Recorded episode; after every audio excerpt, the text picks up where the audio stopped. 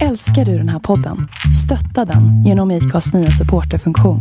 Det är helt upp till dig hur mycket du vill bidra med och det finns ingen bindningstid. Klicka på länken i poddbeskrivningen för att visa din uppskattning och stötta podden. Skall rasister bojkottas? Eller har rasistiska åsikter något värde? Och vem ska avgöra vad som är rasism i så fall? Är det rätt att tillåta lögner och propaganda? Eller har Karl Popper med sin toleransparadox rätt? Då han menar att ett öppet samhälle inte kan tolerera det intoleranta. Är yttrandefrihet bara en fråga om relation mellan stat och medborgare? Eller hotas yttrandefriheten när Facebook och Youtube har rätten att bestämma över innehållet på sina plattformar? Vissa vill cancellera det som kallas cancel culture. Är önskan om cancellering av åsiktsmobben inte också bara ett ingripande mot deras yttrandefrihet? Trots fördelarna av att dela idéer och åsikter är det ibland bäst att tänka till eller till och med att hålla käft. Det finns kanske ändå ett värde i talesättet tala är silver, tiga är guld. Tala, tysta eller hålla käft. Det är frågan för detta avsnitt.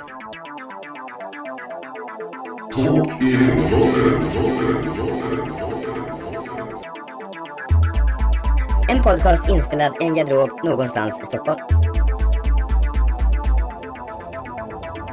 Här lyssnar du på intressanta, engagerade samtal och intervjuer i en väl avvägd blandning av oseriöst allvar och ironi och humor. Om du upplever ett plötsligt vredesutbrott och skriker rakt ut under tiden du lyssnar kan det bero på att du missförstått vad som är allvar och vad som är skämt. Eller så har du helt enkelt fel åsikter eller dålig humor. Hej och välkomna till Talking Closets andra avsnitt på den andra säsongen. Det kommer bli väldigt långa haranger där till slut när vi kommer upp i fler säsonger. Och jag heter Christer CJ Järvel och med mig har jag min kollega Patrik Gren. Patrik Gren. Ja, nu sa jag rätt. Nu sa du rätt idag. Härligt. Hej hej allihopa. Eh, och idag ska vi diskutera Ett väldigt viktigt ämne. ett ganska aktuellt ämne också. Det har diskuterats länge. Och det är, vad får man säga i det här jävla landet egentligen? Det Nämligen, här jävla landet. Alltså. ja, yttrandefrihet. Vad är yttrandefrihet för någonting och när Var går gränserna? Ja, vad var gränserna?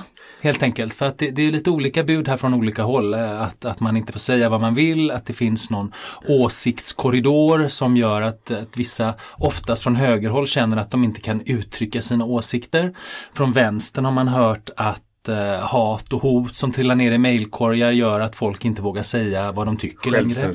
Det blir en form av självcensur och så. Och även komiker har problem med det, att det kan bli bråk på komediklubbar faktiskt. Ja, När någon för- skämtar om något som är känsligt. Ja, Eh, och då vågar man inte skämta om det längre. Så det ska bli intressant. Det ska bli intressant. Vi ska börja med lite historik här först. Ja, eh, det är, vi använder som vanligt Wikipedia som vår fantastiska källa här. Och eh, då kan vi säga så här att den första formella efterfrågan för yttrandefrihet gjordes av Sir Thomas More inför det engelska parlamentet och kung Henrik den åttonde, han som hade ihjäl alla sina fruar. Eh, Den 18 april 1523. Så Tidigt det är ju en faktiskt. tidig idé. Tankar om yttrandefrihet och pressfrihet lyftes fram under upplysningen på 1700-talet. Den svenska pressfriheten formulerades av Anders Chydenius 1766 i tryckfrihetsförordningen. Vid samma tid uppkom även den svenska offentlighetsprincipen, principen att all information vid myndigheter och offentliga verksamheter ska vara allmänt tillgängliga. Denna princip kontrasterar mot övriga EUs mer restriktiva offentlighet. Och den här tryckfrihetsförordningen går hand i hand med den svenska yttrandefriheten. Kommer Och demokratin Och också. demokratin, för att yttrandefriheten hänger väldigt starkt ihop med demokrati. Varför är det så? Ja, när USAs grundare skrev deras konstitution, det är faktiskt the first amendment, eh, handlar både om religionsfrihet och yttrandefrihet. Att den är first, first amendment är just för att de ville fastslå hur viktigt yttrandefriheten var för att man ska överhuvudtaget kunna ha en demokrati. Ja, Och frihet. ja, för det är ju så att i en demokrati ska ju alla röster höras och allas åsikter ska kunna lyftas fram. Utan att du blir förtryckt. eller- Utan att, annars är det ju ingen demokrati. Nej. Faktiskt. I Sverige har vi två lagar som reglerar det här. Det är väl yttrandefrihetsgrundlagen och tryckfrihetsordningen. Tryckfrihetsförordningen. Förordningen, just det. Det är de två lagarna. Och eh, det var 1700-talets filosofer som eh, pratade mycket om det här också väl? Ja, det kom naturrätt och- ja, naturrätt och, och, och så. Liksom. Men vad står det i svensk lag om yttrandefriheten? Eh, här är ett litet utdrag. Var och en har rätt till yttrandefrihet. Denna rätt innefattar frihet för en var att utan ingripande hysa åsikter och frihet att söka, mottaga och sprida upplysningar och tankar genom varje slags uttrycksmedel och utan hänsyn till gränser. Det är våran eh, då, eh, lag som garanterar vår yttrandefrihet. Mm. Och yttrandefriheten är också en del av FNs deklaration om mänskliga rättigheter, Ja. eller hur? Det finns där också. Så det är en eh, ganska stor del av hela den västerländska demokratiska ordningen. Ja, samtidigt har man ju sett i diktaturer så brukar det ju något av det första som händer är att man inskränker yttrandefriheten och eh, tar över pressen och media och sådana grejer. Så det, det hänger ju skarpt upp med det också.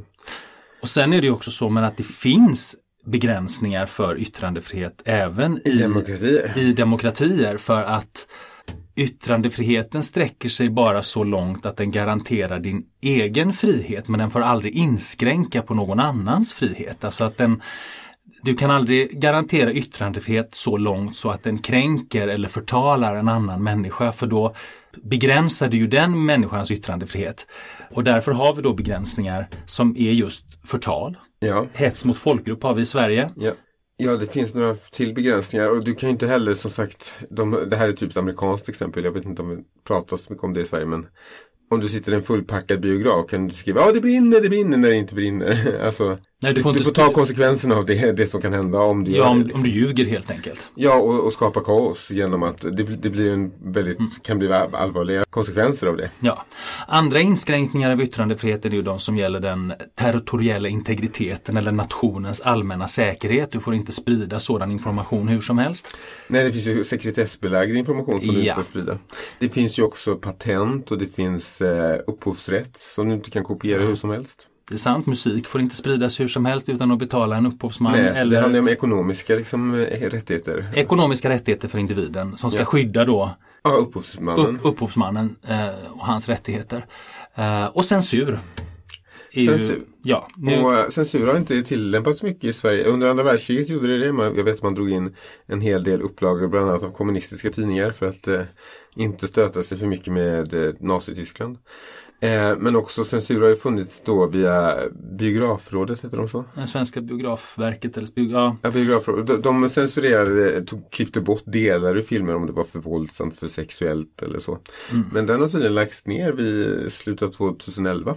Ja, eh, så idag finns det bara ålderscensur, alltså att man inte får visa vissa filmer eh, för vissa barn, alltså vissa våldsfilmer från 11 år och från 15 Inte år. så. sexuellt innehåll heller. Sexuellt innehåll heller. Och en annan förordning som finns också för att hindra barnpornografi att spridas. Alltså Där stat- man blockerar nätsidor Ja. och så vidare för att förhindra spridande av barnporr. Ja, så att det finns vissa begränsningar och det är de här begränsningarna vi ska titta på idag. Om de, finns det fog för dem och används de eller vad är det för typ av yttrandefrihet folk pratar om när de säger att man inte får säga vad som helst? Eh, det handlar ju inte så mycket om vad lagen säger. Nej det gör väl inte det egentligen. För staten ingriper väl inte sådär jättemycket i vad folk säger. på- Väldigt på, lite. Alltså det, det är väl någon enstaka som blir dömd för hets mot folkgrupp någon gång ibland. Eh, och det kan vara ingripande mot just eh, upphovsrätt. Barnporr antar jag också händer väl ibland.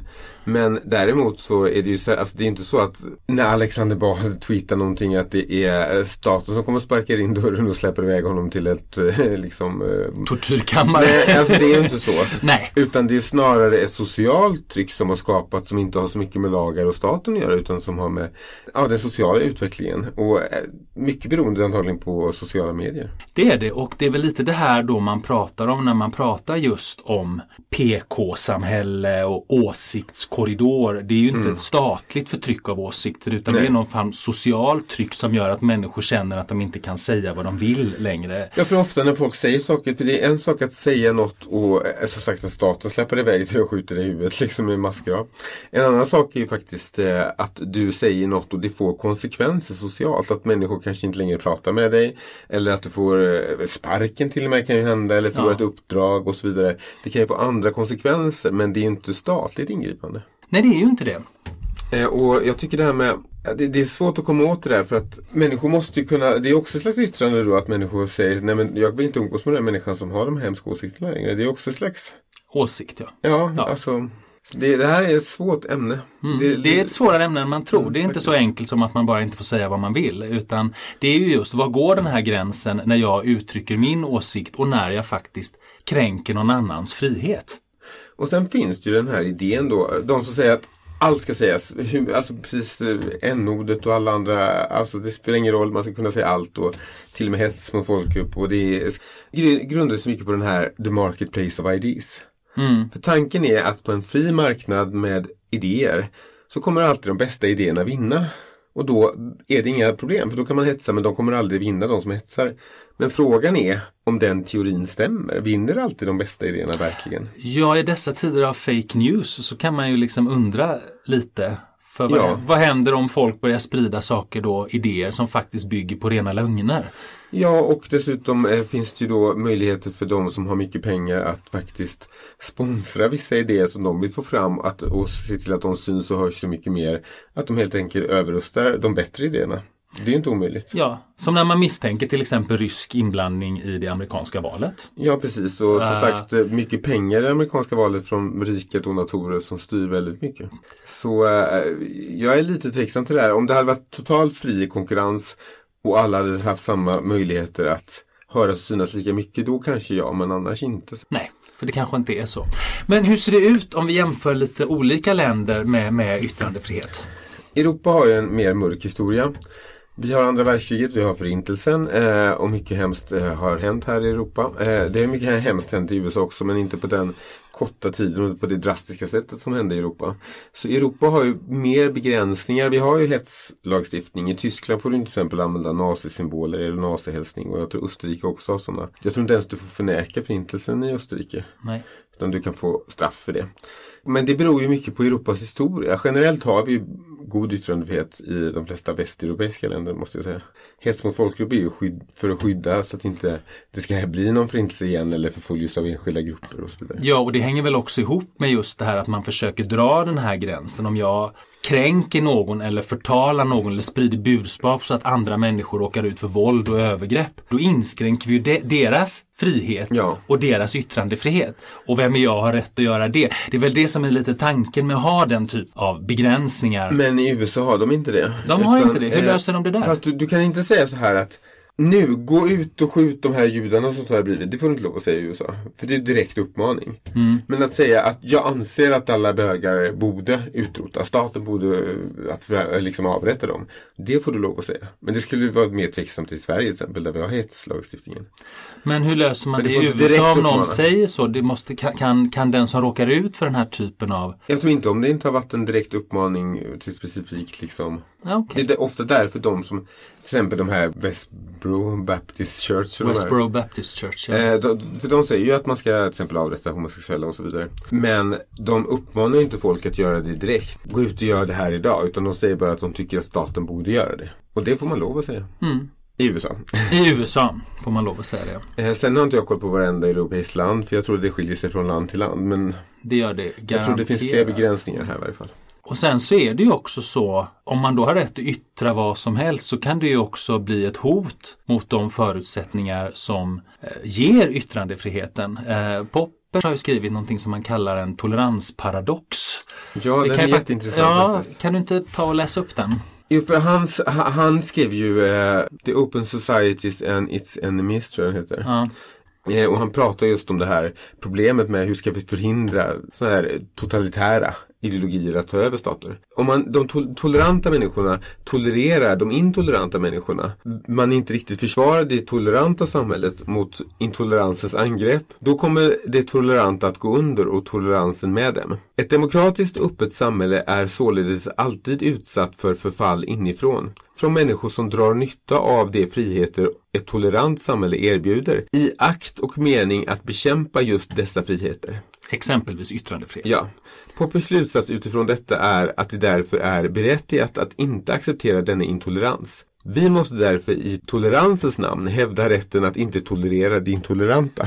Enkelt uttryckt, om någon då uttrycker åsikter som kommer att begränsa de demokratiska friheterna och på så vis rasera det demokratiska samhället. De idéerna ska vi inte låta uttryckas. Det är så Ja, Popper eller inte menar. tolerera i varje fall på Nej. något sätt. Så att eh, om eh, till exempel någon Hitler skulle komma upp och eh, spy ut de här idéerna han hade så, så ska vi inte tolerera. För om vi säger att vi måste tolerera det, för det är ju också en åsikt. Då riskerar vi att tillåta det demokratiska och fria samhället och yttrandefriheten att gå under.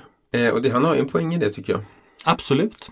Och det hänger ihop lite med varför det här har blivit så på modet nu. För det är väl just det som är grejen då att de som mest klagar på det här att det inte finns någon yttrandefrihet eller att de inte säger vad som helst. Det hör man ju ofta från eh, högerhåll, extremt Mest, högerhåll, kanske. Sverigedemokrater och så att, att det finns en åsiktskorridor. Och det är ju det problemet då motståndare hävdar är ju att, att till exempel Sverigedemokraterna just vill demontera det demokratiska samhället med sin politik och därför ska vi inte tillåta de idéerna. Och det är ju faktiskt grunden i Poppers toleransparadox. Sen är ju frågan om Sverigedemokraterna verkligen vill demontera demokratin, det är ju en fråga i sig. Men det är ju det man använder som ursäkt Ja, för att tysta Sverigedemokrater eller att inte låta dem komma till tals. Ja, jag vet inte om man tystar Sverigedemokrater direkt. Jag tycker de talar hela tiden. Jo men, de, har ju blivit, de har ju blivit isolerade i riksdag och så och inte fått vara med. Ja, alltså det politiska besluten Ja. håller jag absolut med. Men inte däremot i att de får höras. För de hörs ju syns ganska mycket faktiskt. Ja det gör de definitivt. Men eh, däremot också eh, just att eh, det är mycket Sverigedemokrater som uttalar sig på sociala medier eller har skrivit saker som ofta visar sig vara ren hets eller liksom kallar jag mörkhyade för kackerlackor eller skadedjur. Alltså det är typiskt sånt att dehumaniserar människor.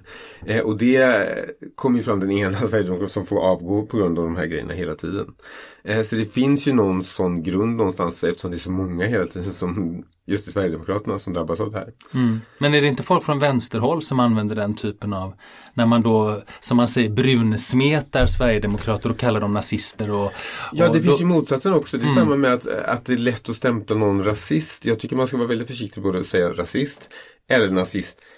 Det är bara en sak till jag vill ta fördelarna med yttrandefrihet. Ja, Eh, därför att tanken med det och vad som också har visat sig i de demokratiska länderna där utvecklingen har gått framåt mer och vi har haft mer innovationer och så är ju att tanken att det blir en dynamik av utbyte av åsikter, att man fritt kan utbyta åsikter och idéer och att det leder framåt. För jag säger något som får dig att tänka på någon annan bana och så vidare så växer samhället och det visade sig i Sovjetunionen där man inte hade den dynamiken att det blev ganska nu gör vi en betongklump till liksom. Alltså det, det, det blev ingen utvecklades inte. utvecklades inte på samma sätt. Men vi kommer komma tillbaka. Vi ska bryta för en politisk väderleksrapport. Och då när vi är tillbaka så kommer vi ta upp lite exempel på personer där, man, där de- de själva har hävdat att de inte då har fått säga vad de vill och att de begränsas i sin yttrandefrihet. Och så ska vi bedöma om vi tycker att det är så eller inte. Ja, vad våra åsikter i Ja. frågan.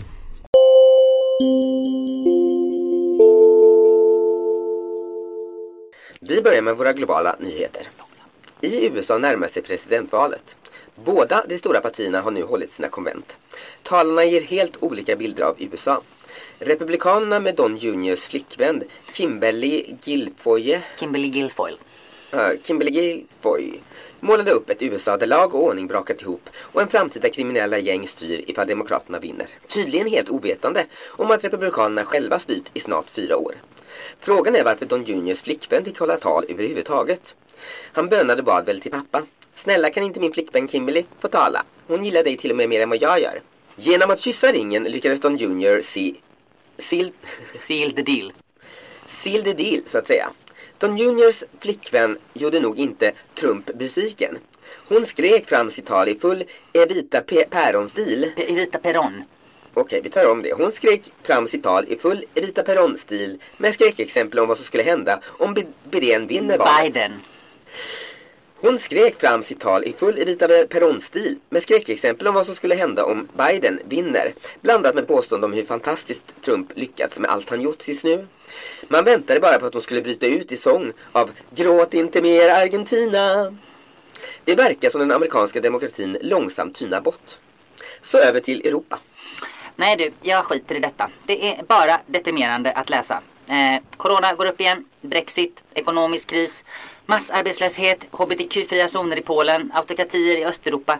Usch, det finns inga glada nyheter längre. Nej du. Så vi går över till Sverige. Ja, så, så inget om Europa alltså? Nej, det var inget kul den här gången. Nej, okej. Idag har vi en efterlysning. Efter det bedvärdiga brott där fem dagisbarn och två lärare blivit torterade och mördade i Stockholm söker nu polisen en medelålders man. Så kan du väl inte säga? Va? Tänk om personen som begått brottet lyssnar. Tror du inte det känns förolämpande att höra medelålders? Det är faktiskt åldersdiskriminerande. Vill du att förövaren ska känna sig så gammal? Jaha, nej, okej. Eh, efter det vedervärdiga brott i Stockholm på dagiset Lilla Svärtan söker nu polisen en man. Så kan du väl inte säga? Va, inte det heller? Nej, du vet inte om förövaren identifierar sig som man. Det kan vara en manhaftig kvinna eller en person som identifierar sig som icke-binär. Jaha, eh, okej. Efter det vedervärdiga brott i Stockholm på dagiset Lilla Svärtan söker nu polisen en person i någon ålder, man, kvinna eller annat. Personen har råttfärgat hår och är Nej, cirka nej, 100 nej, nej, nej, nej. Man kan inte säga att de har råttfärgat hår. Så nedvärderande. Och längden indikerar ju att det skulle vara en man trots allt. Men som vi redan konstaterat så vet vi ju inte hur den här personen identifierar sig. Jag tror det är bättre att jag tar det här. Ja, gör du det. Okej. Efter det vedervärdiga brott i Stockholm på dagiset Lilla Svärtan, där personer råkade illa ut, söker nog polisen en person med signalementet man, kvinna eller icke-binär i åldern vuxen till gammal med hår på huvudet av helt normal längd, så som man normalt ser det. Ja. Har du sett denna person så kontakta polisen omedelbart på telefonnummer 08 Nej, nej, 9 nej, nej, nej, nej, nej, numret är ju hemligt. Ja, just det. Vi tar om det. Har du sett denna person så kontakta polisen omedelbart på telefonnummer Polisen säger att alla tips är välkomna. Så åter till garderoben.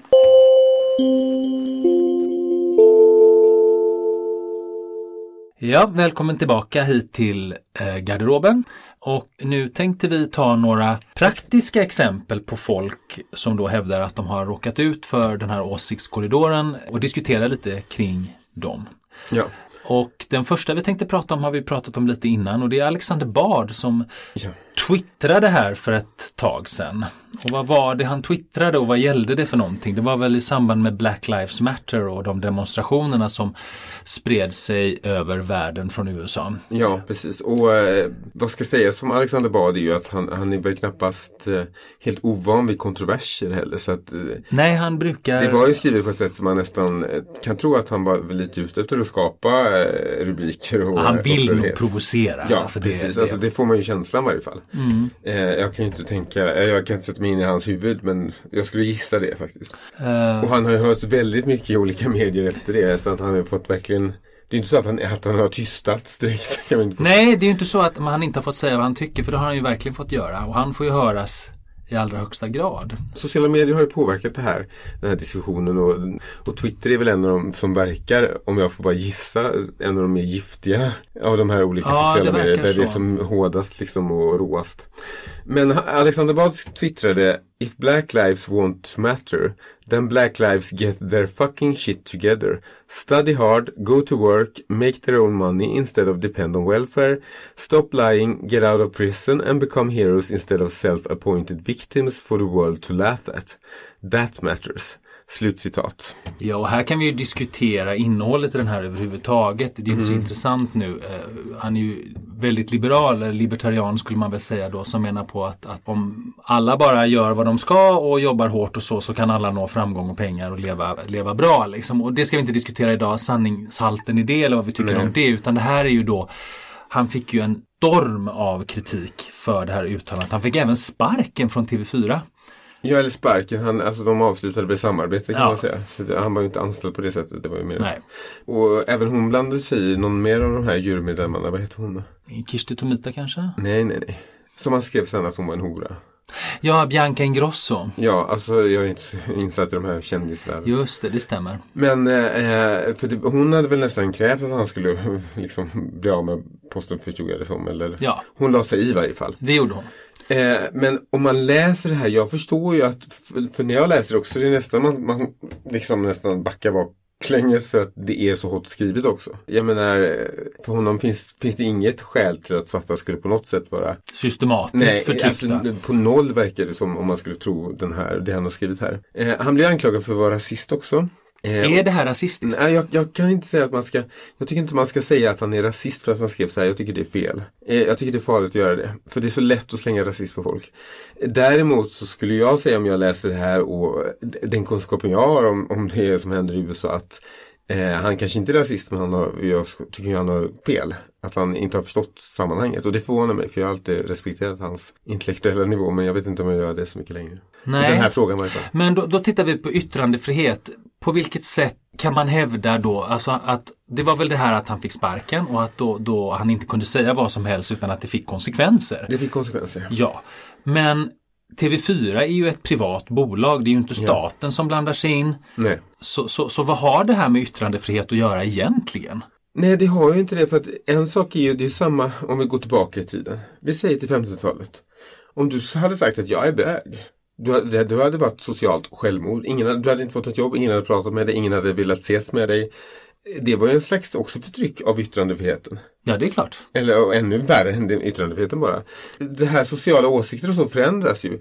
Och just nu är, är det ju så att, att säga saker som nästan eh, låter rasistiska eller använda ord som slurs om homosexuella, om svarta eller andra minoriteter är inte lika accepterat längre och det kan få konsekvenser. Men det är ju inte staten som går in och liksom polisen kommer med handbojor och... Nej, nej, men det är lite då så som att man har en en, en, en, det finns en politisk korrekthet i att vissa saker sägs inte eller en åsiktskorridor då där, Ja. där man blir socialt utfryst Ja, om man säger vissa saker. Och det kan få ekonomiska konsekvenser för ditt jobb eller liksom Vi säger att grannarna inte pratar med dig. Alltså det, kan, det finns ju mycket saker som kan hända och få konsekvenser såklart. Jag tycker det här är en svår fråga. Därför att på ett sätt är det ett problem när det gäller de här stora plattformarna. För de har i stort sett monopol. Facebook, Youtube. Har du en Youtube-kanal och du blir blockerad. Då förlorar, förlorar, du, du, du kan inte starta någon annanstans. Eller det finns åtminstone ingen lika stor media. Nej. Och samma med Facebook, slängs du ut därifrån. Och det, jag menar jag har en kompis som blir utslängd och att kontakta Facebook är ju hopplöst. Det är bara, du pratar ju bara med en robot. Den, den förstår ju inte riktigt. Alltså, AI är all ära men så intelligent är den inte ens ännu att man kan resonera med den. Utan Nej. det är liksom har tillräckligt många anmält dig så blir du oftast utslängd även om de har bara gått ihop och gaddat ihop sig och anmält dig fast du inte har gjort något fel. Alltså, Och då är det väldigt svårt för det finns inga personer som jobbar på Facebook. Men sen om vi ska bara gå tillbaka till Alexander Bard här. Sen är det också så att TV4, och som jag sa förut, är ju också ett privat företag. De måste ju ha rätt att ha regler för hur de som jobbar för dem uttrycker sig och vad de vill förknippas med med sitt varumärke. Det är ju liksom ingen, vänster, det är ingen, det är liksom alltså. ingen vänsterkabal som ligger bakom det här. Det är ju kapitalistiska marknadsidéer. Alltså TV4 har ju stenkoll på sin målgrupp och Ja, hur de får precis. tittare och så. Det styrs ju av marknaden och det är också lite märkligt att de får kritik från högerhåll som ofta är väldigt kapitalistisk och sen så angriper de en väldigt grundkapitalistisk princip. Nämligen Ja, att, att- företagen själva sätter reglerna för vad som får sägas i de egna kanalerna. För om jag tänker, om Alexander Bard nu är libertarian, jag vet inte exakt hans politiska ståndpunkt, men jag hypotetiskt skulle säga den som är libertarian skulle ju säga att företagen i stort sett ska få göra som de vill. Vill de sparka dig så, så gör de det. Alltså det, det ska inte finnas arbetsmarknadsregler eller, alltså det är väldigt så frihet för eh, dem alla typ, men det blir ju mest för de som kanske äger då företaget. Och att samtidigt tycka det och sen tycka jag blir arg för att man blir sparkad för att TV4 antagligen gjorde bedömningen att det var mer lönsamt för dem att ta bort Alexander Bard än att ha kvar honom. Ja, förmodligen var det Ja. en sådan bedömning bakom. Så att jag menar, då, är det, då blir kritiken väldigt konstigt att komma från högerhåll på något sätt. Ja, och det är ju inte så att TV4 gör detta för att plisa sossarna. Nej, knappast. det tror jag Så att det, det, det, det är så. Men nog om Alexander Bard. Vi ska gå till nästa exempel här. Ja. Vi har väl avbryt, eller vad heter det, avslutat här Ja. ämnet. Och det är att eh, en annan eh, aktiv eh, högerdebattör på sociala medier är Katarina Januk som har Ja. gått från sexolog och fantastisk författare till att ha blivit någon slags arg högerkrigare. Eh, Hon uppmärksammade en Facebookgrupp, eh, svensk, som hette Name and Shame. eh, Som bestod av många, som hon säger, inflytelserika kommunpolitiker och så. Jag har försökt gå med i gruppen, jag har inte blivit insläppt. Eh, det är en stängd grupp så jag kan inte bekräfta eh, det hon säger. Men just det här fenomenet name and shame kom ju från eh, den engelska tiden, tidningen The Guardian. Där man faktiskt uppmanar då folk att när de hittar folk på sociala medier och så som uttrycker rasistiska eller kriminella idéer att de ska lagföras men också att man ska skärmdumpa och hänga ut dem med namn och public shame dem helt Men enkelt. jag förstår det, även om de inte är olagliga så ska de först hängas ut så att de skäms och får, att det får konsekvenser bara för att trycka tillbaka allt det här hatet som finns på, det finns ju mycket hat och mycket sånt på eh, de här olika sociala medier. Och det är väl tanken först och främst, men sen om de, om de går över gränsen till olaglighet så ska de även lagföras, är väl tanken. Ja, men är det, är det okej att hänga ut folk på det här sättet? Jag tycker det beror så himla mycket på, för att du läste ju beskrivningen till den här gruppen. Mm. Och då stod det ungefär att ah, men vi vet vilka de är och eh, de ska minsann betala om de gör något. Bla bla. Men det stod inte vad de menade eller vad personen som har startat gruppen, vad den personen menade. De är, vilka, vilka är de? Är det de som säger att judar ska gasas ihjäl? Eller de som säger att vi bör ha lite lägre skatter? Alltså, Var går på- gränsen? ber- Beroende på vad hon menar med det går ju gränsen väldigt skarp. Alltså det ena vore ju helt absurt om man ska hänga ut folk för medan det andra faktiskt. Eh, jag tycker man, Men är det okej att hänga ut folk innan de har blivit dömda? Med namn och adress och liksom hänga ut dem för en Inte med namn och adress offent- så kanske. men Men, offentlig pöbel. Men här står det ju skärmdumpa. Och hänga ut dem. Nej men shame. men alla har väl inte adressen i sin... Nej, nej men alltså om du har ett namn på Facebook så är det inte så svårt att hitta den personen. Nej, kanske inte. Jag har Nej. ingen koll på det. Nej men det här har ju lite, ligger ju nära det här som kallas för cancel culture just att, att man ska just eh, snabbt gå ut och, och filma eller hänga ut eller skärmdumpa. Och det, är ju, det kommer ju från vänsterhåll ofta det här att man ska göra det här. Det för, finns ju mängdvis med klipp på Youtube i USA där eh, de kallar det för Karens ju. Ja, För hon hette ju Karen som eh, hotade han i den här parken. Att hon, hon ringde ju polisen, du vet. ja, ja, han som rastade sin. Eh, och i sådana fall, flera av de videos som jag har sett så tycker jag ändå att ja, men det finns ett visst befog för att faktiskt filma och faktiskt lägga ut och se. För på något sätt, de här personerna har ju alltid kommit undan med det. Och kunnat ljuga om det sen efteråt. Och det kan de inte när det Nej, finns utan, utan nu, nu är det svart på vitt. Till exempel hon, hon som ringde polisen, hade, de, hade inte han filmat så hade hon ju säkert sagt att han hotade henne och att han försökte våldta henne eller nå, någonting liksom. Och han kunde ju, bli- med tanke på hur polisen behandlar svarta så kunde han ju blivit ihjälskjuten eller mördad, alltså strypt eller vad som helst. Så att hon, hon visste ju om det, så hon sa ju medvetet It's a black man, eller eller vad hon nu Ja. sa. Alltså det var så uppenbart att hon faktiskt ville trycka på den punkten. Och det var ju så fult, men samtidigt, han har ju, han själv har ju vägrat att gå vidare med för de har ju velat lagföra henne på något Mm. sätt. Och han har inte velat gå med den för han tycker hon har blivit straffad tillräckligt. Alltså hon har ju blivit extremt uthängd, förlorade sitt jobb. Och det kan jag hålla med om att det finns ju en gräns. Det behöver inte bli liksom lynchning av människor för att de gör en dum grej. Det är ju ganska farligt också. Speciellt när man börjar gräva så arkeologiskt. Bara, liksom, Mm. Tio år sedan så skrev du det här på Twitter. Alltså det blir ju absurt. Och ingen av oss kommer kunna överleva det. Vi har alla sagt vi har, något vi har dumt alla eller sagt gjort något dumt eller Ja. rasistiskt och så i våra liv någon gång. Jag Liksom. har ju gjort jätteråa skämt om homosexualitet. Så, alltså, alltså, förstår du? Ja.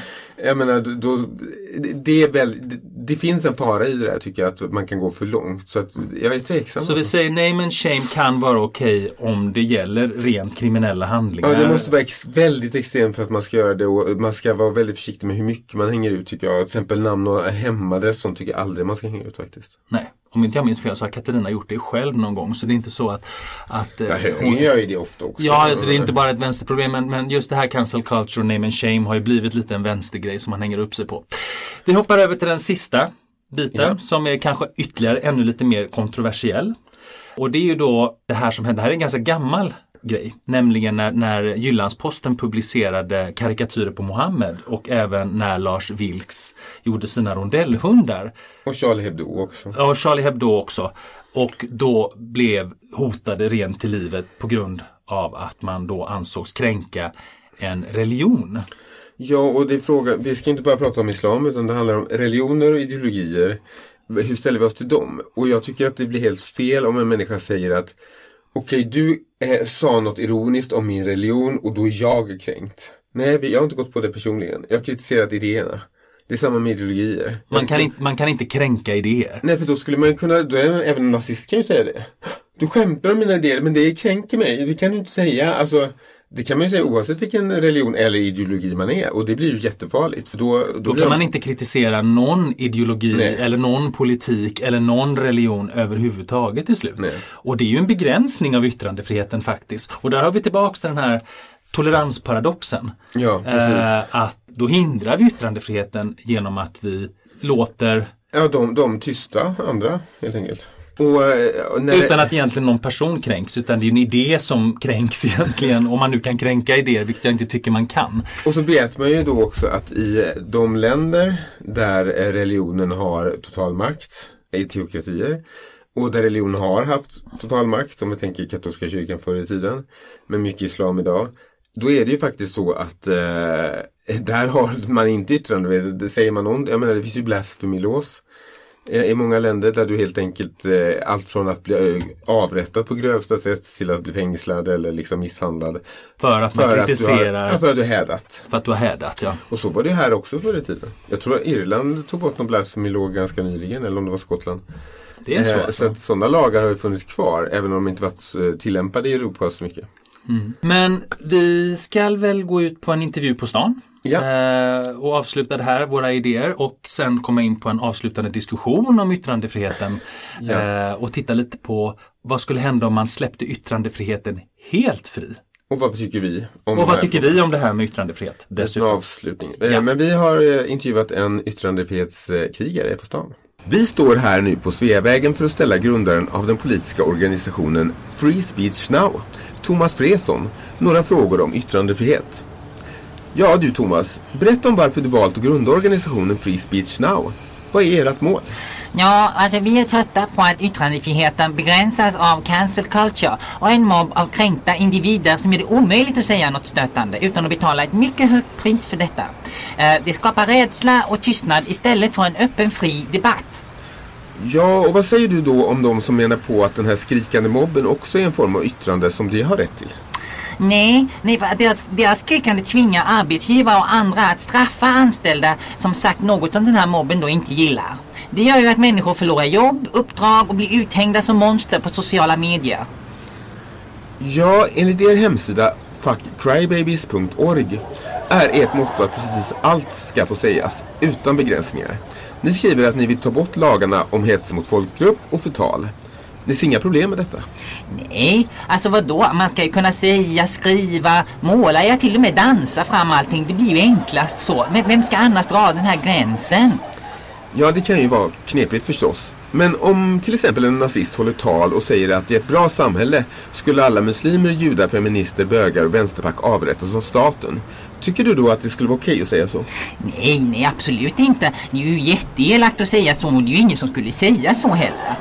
Uh, jo, det är ju precis den typen av hets som är förbjudet enligt lagen hets mot folkgrupp.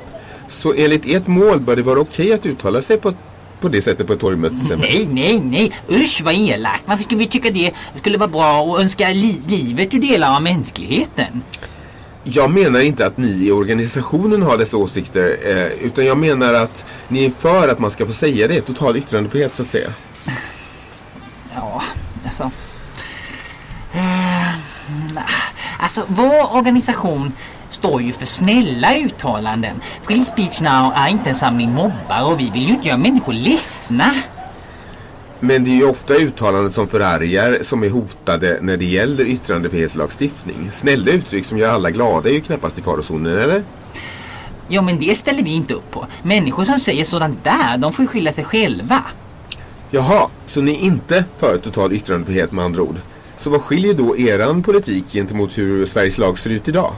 Men då inte för total yttrandefrihet. Klart vi är. Allt ska kunna sägas utan begränsningar. Men det är ju inte det du säger. Du anser ju inte att åsikten att vissa grupper bör dödas är något som helt lagligt ska få sägas. Nej usch, jag blir ledsen när du tror något sånt om oss.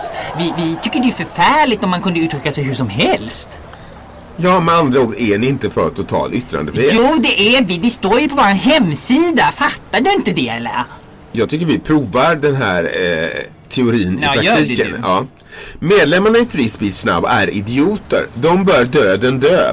Om inte de dör själva snarast bör staten ha ihjäl dem. Fy fan vad elakt. Det där kommer jag anmäla. Du vet att jag filmade dig med mobilen nu. Så att du bara vet det, ha?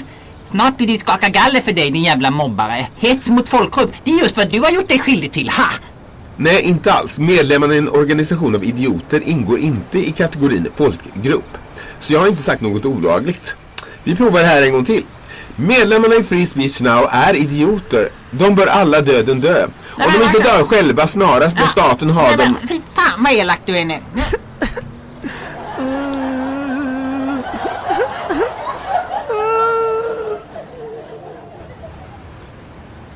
Då var vi tillbaka här i garderoben igen. Yes, och så ska vi väl sammanfatta det här avsnittet.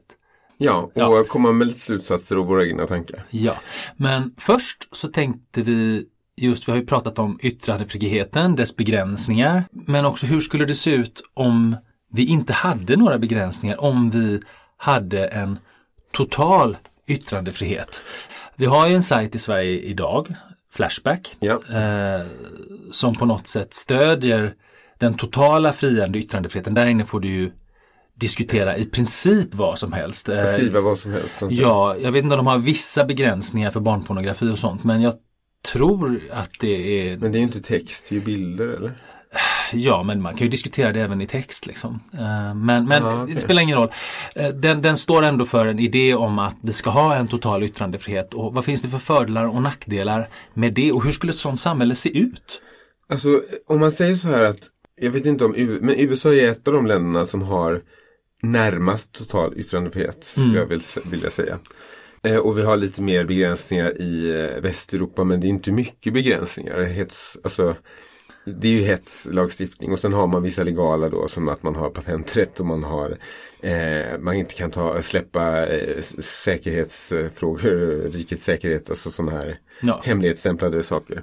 Eh, men annars har vi ju nära nog en total yttrandefrihet och jag tycker de begränsningar som finns, till exempel barnpornografi, är ganska bra.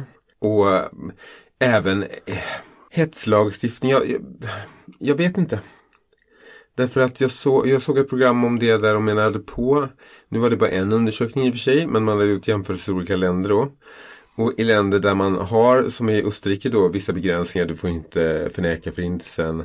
Eh, de menar på att det sprids mer förintelseförnekelse under kulisserna för då blir det något så här, "Ah, det får man inte säga här, så det, det måste vara någonting viktigt, det, det finns någon sanning i det eftersom man inte får säga det.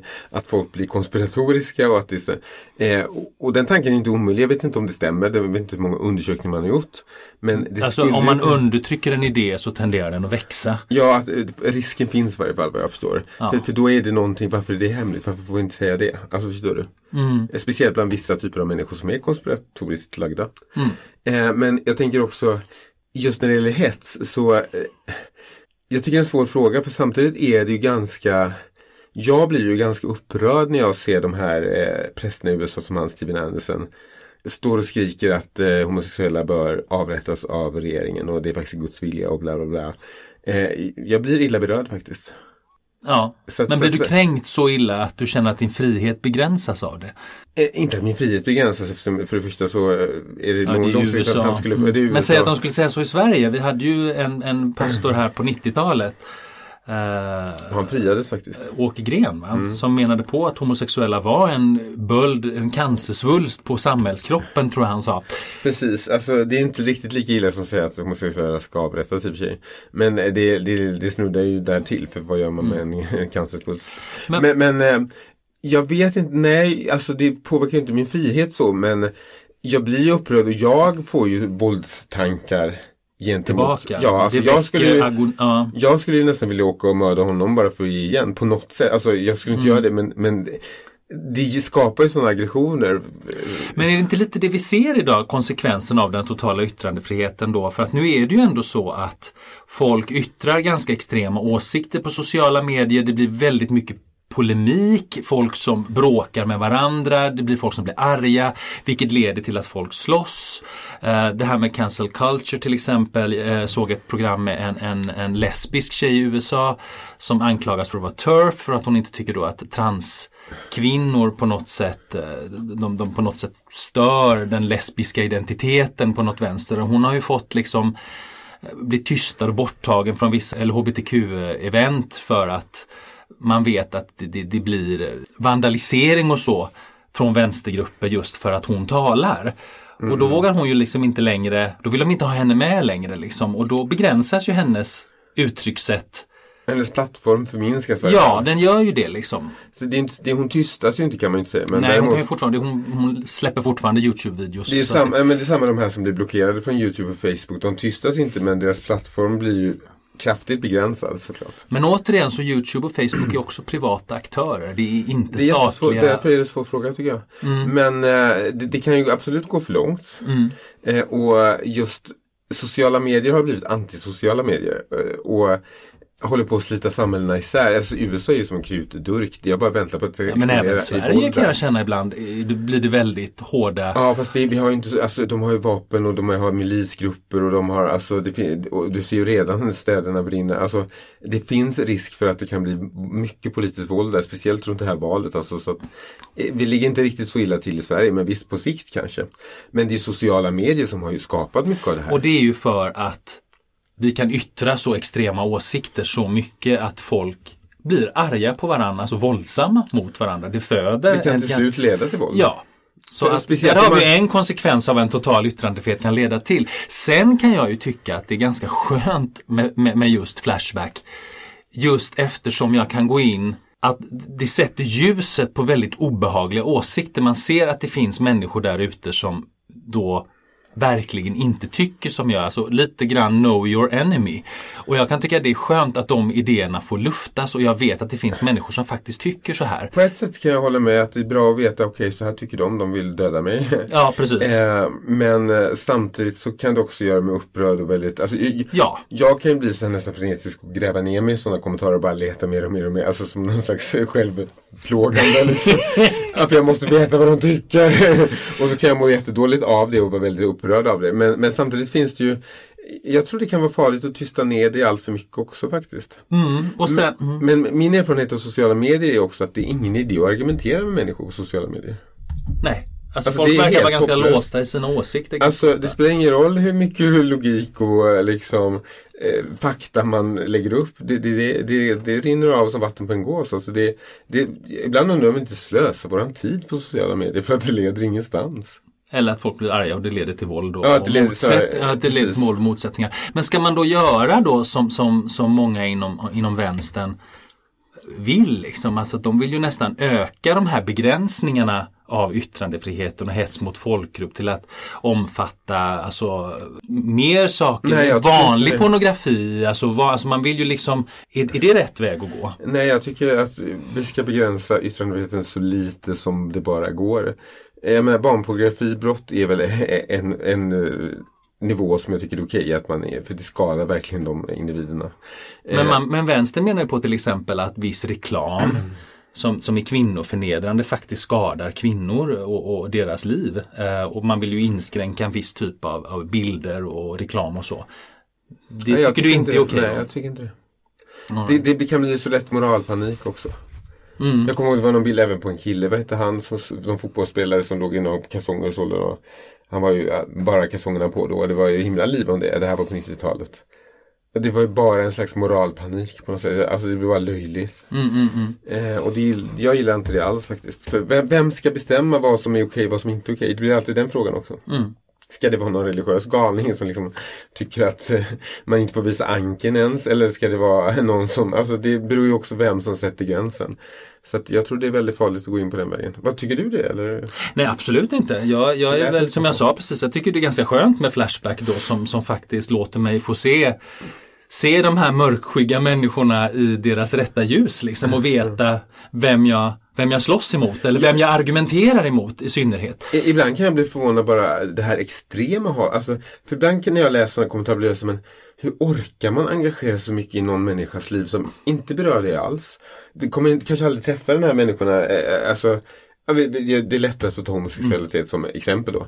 Men alltså vad bryr du dig att vad de gör i sängen? Att du orkar lägga så mycket tid och energi. Tänk om du la den energin och tiden på att göra något bra istället. Fast om vi tittar på den debatten som förs och går i Sverige så är det väl mer att man inte får uttrycka kritik mot islam. Men det är väl det många vänder sig mot från högerhåll i synnerhet. Att man stämplas som rasist så fort man uttrycker en kritisk åsikt om muslimer eller islam. Och det tycker inte jag är rasism för att islam är ingen eh, etnisk grupp utan det är ju en, faktiskt En ideologi. Ja, eller religion. Mm. Så det, det, det tycker jag är konstigt att kalla det för rasism. Men däremot jag tycker ofta de här som, ah, man får inte säga det här landet och PK-kultur och jävla åsiktskorridor. Men när de väl yttrar sig så tycker jag bara det. För tanken var ju det här med yttrandefrihet att det ska komma nya idéer, det ska bli dynamik, vi ska liksom bygga på varandras idéer och komma framåt. Men det är ofta så här, när de väl får komma till tal så är det liksom invandrare i kackerlackor och n-ordet och liksom det, det kommer inget konstruktivt alls ut det här tycker Nej. jag ofta när de väl yttrar sig. Och en annan sak då som jag tycker, eh, det är ju just det här, de som då klagar mest på det här är ju Sverigedemokraterna. På att de Oftast, inte, ja. eh, det har blivit synonymt med Sverigedemokrater det här att det får man inte säga i det här jävla landet längre. Eh, men när. Sverige, ja, Sverigedemokraterna har ju då själva tagit makten i vissa kommuner och då har de, det första de gjorde var ju att, att se till att regnbågsflaggan inte fick hänga på offentliga byggnader och att kommunen inte fick köpa in en viss typ av konst. Så det första de gjorde var ju faktiskt att begränsa yttrandefriheten ytterligare. Ja, precis. Och du hade fler exempel på det också, vad de hade föreslagit. Ja, det, det var något, någon eh, som skulle läsa någon bok på något bibliotek. Jag vet inte om hon En var transperson? Om det var transperson eller någon HBTQ. Men då ville de ju stoppa det här. Jag tror inte de lyckades stoppa det, men de ville stoppa det. Och det är verkligen en begränsning i Ja, det är ju yttrandefriheten cancel culture det också. Det är det absolut. Och högern har ju haft cancel culture genom alla tider. Alltså när de till och med svarta har inte fått vara med och bestämma, inte fått rösta, inte fått eh, säga sin åsikt. Eh, är det något som, då har man cancellerat deras åsikter totalt för 100 procent. Alltså, och även andra grupper. Så att jag Mm. menar, det är lite kasta sten i glashus tycker jag Ja, det, kän, det känns lite Mm. som att, att vi vill kunna uttrycka vad vi själva vill i vår egen politiska åsikt men vi vill inte höra någon annans politiska Nej, åsikt. om någon försöker stoppa, stoppa dig så blir det så här, nej det här är faktiskt yttrandefrihet men sen ty, tycker du att andra åsikter helst inte ska få yttras. Det är lite absurt. Nej. Antingen är det ju så att alla åsikter ska få yttras eller inga. Men jag har en sak till.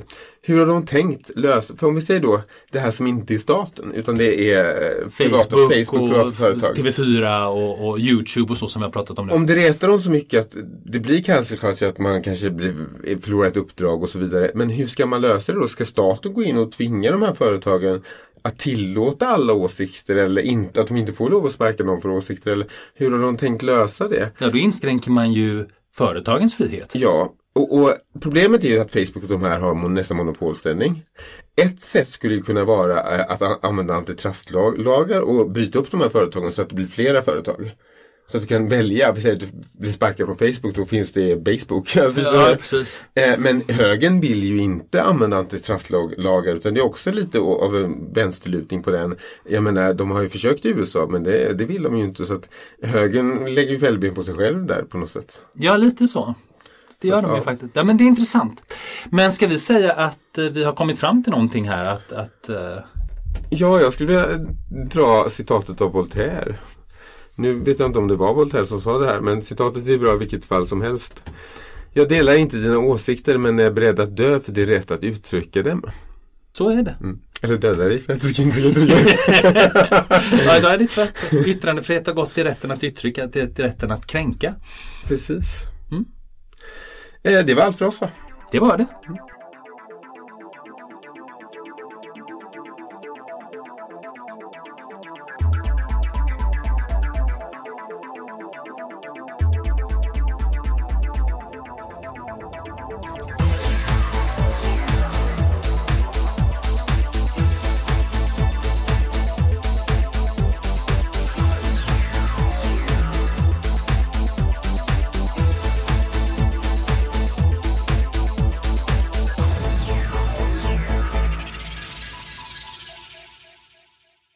Talking Closet ska undvikas av personer med misstänkt lättkränkthet, kort stubin och humorlösa individer. Talking Closet kan ej hållas ansvariga för biverkningar såsom högrött ansikte, plötsliga vredesutbrott, familjegräl, okontrollerade gråtattacker, sömnlöshet, förkylan och cynism. Eventuella klagomål kan mejlas till anothersnowflake at wedon'tcare.org Dina åsikter spelar oss ingen som helst roll.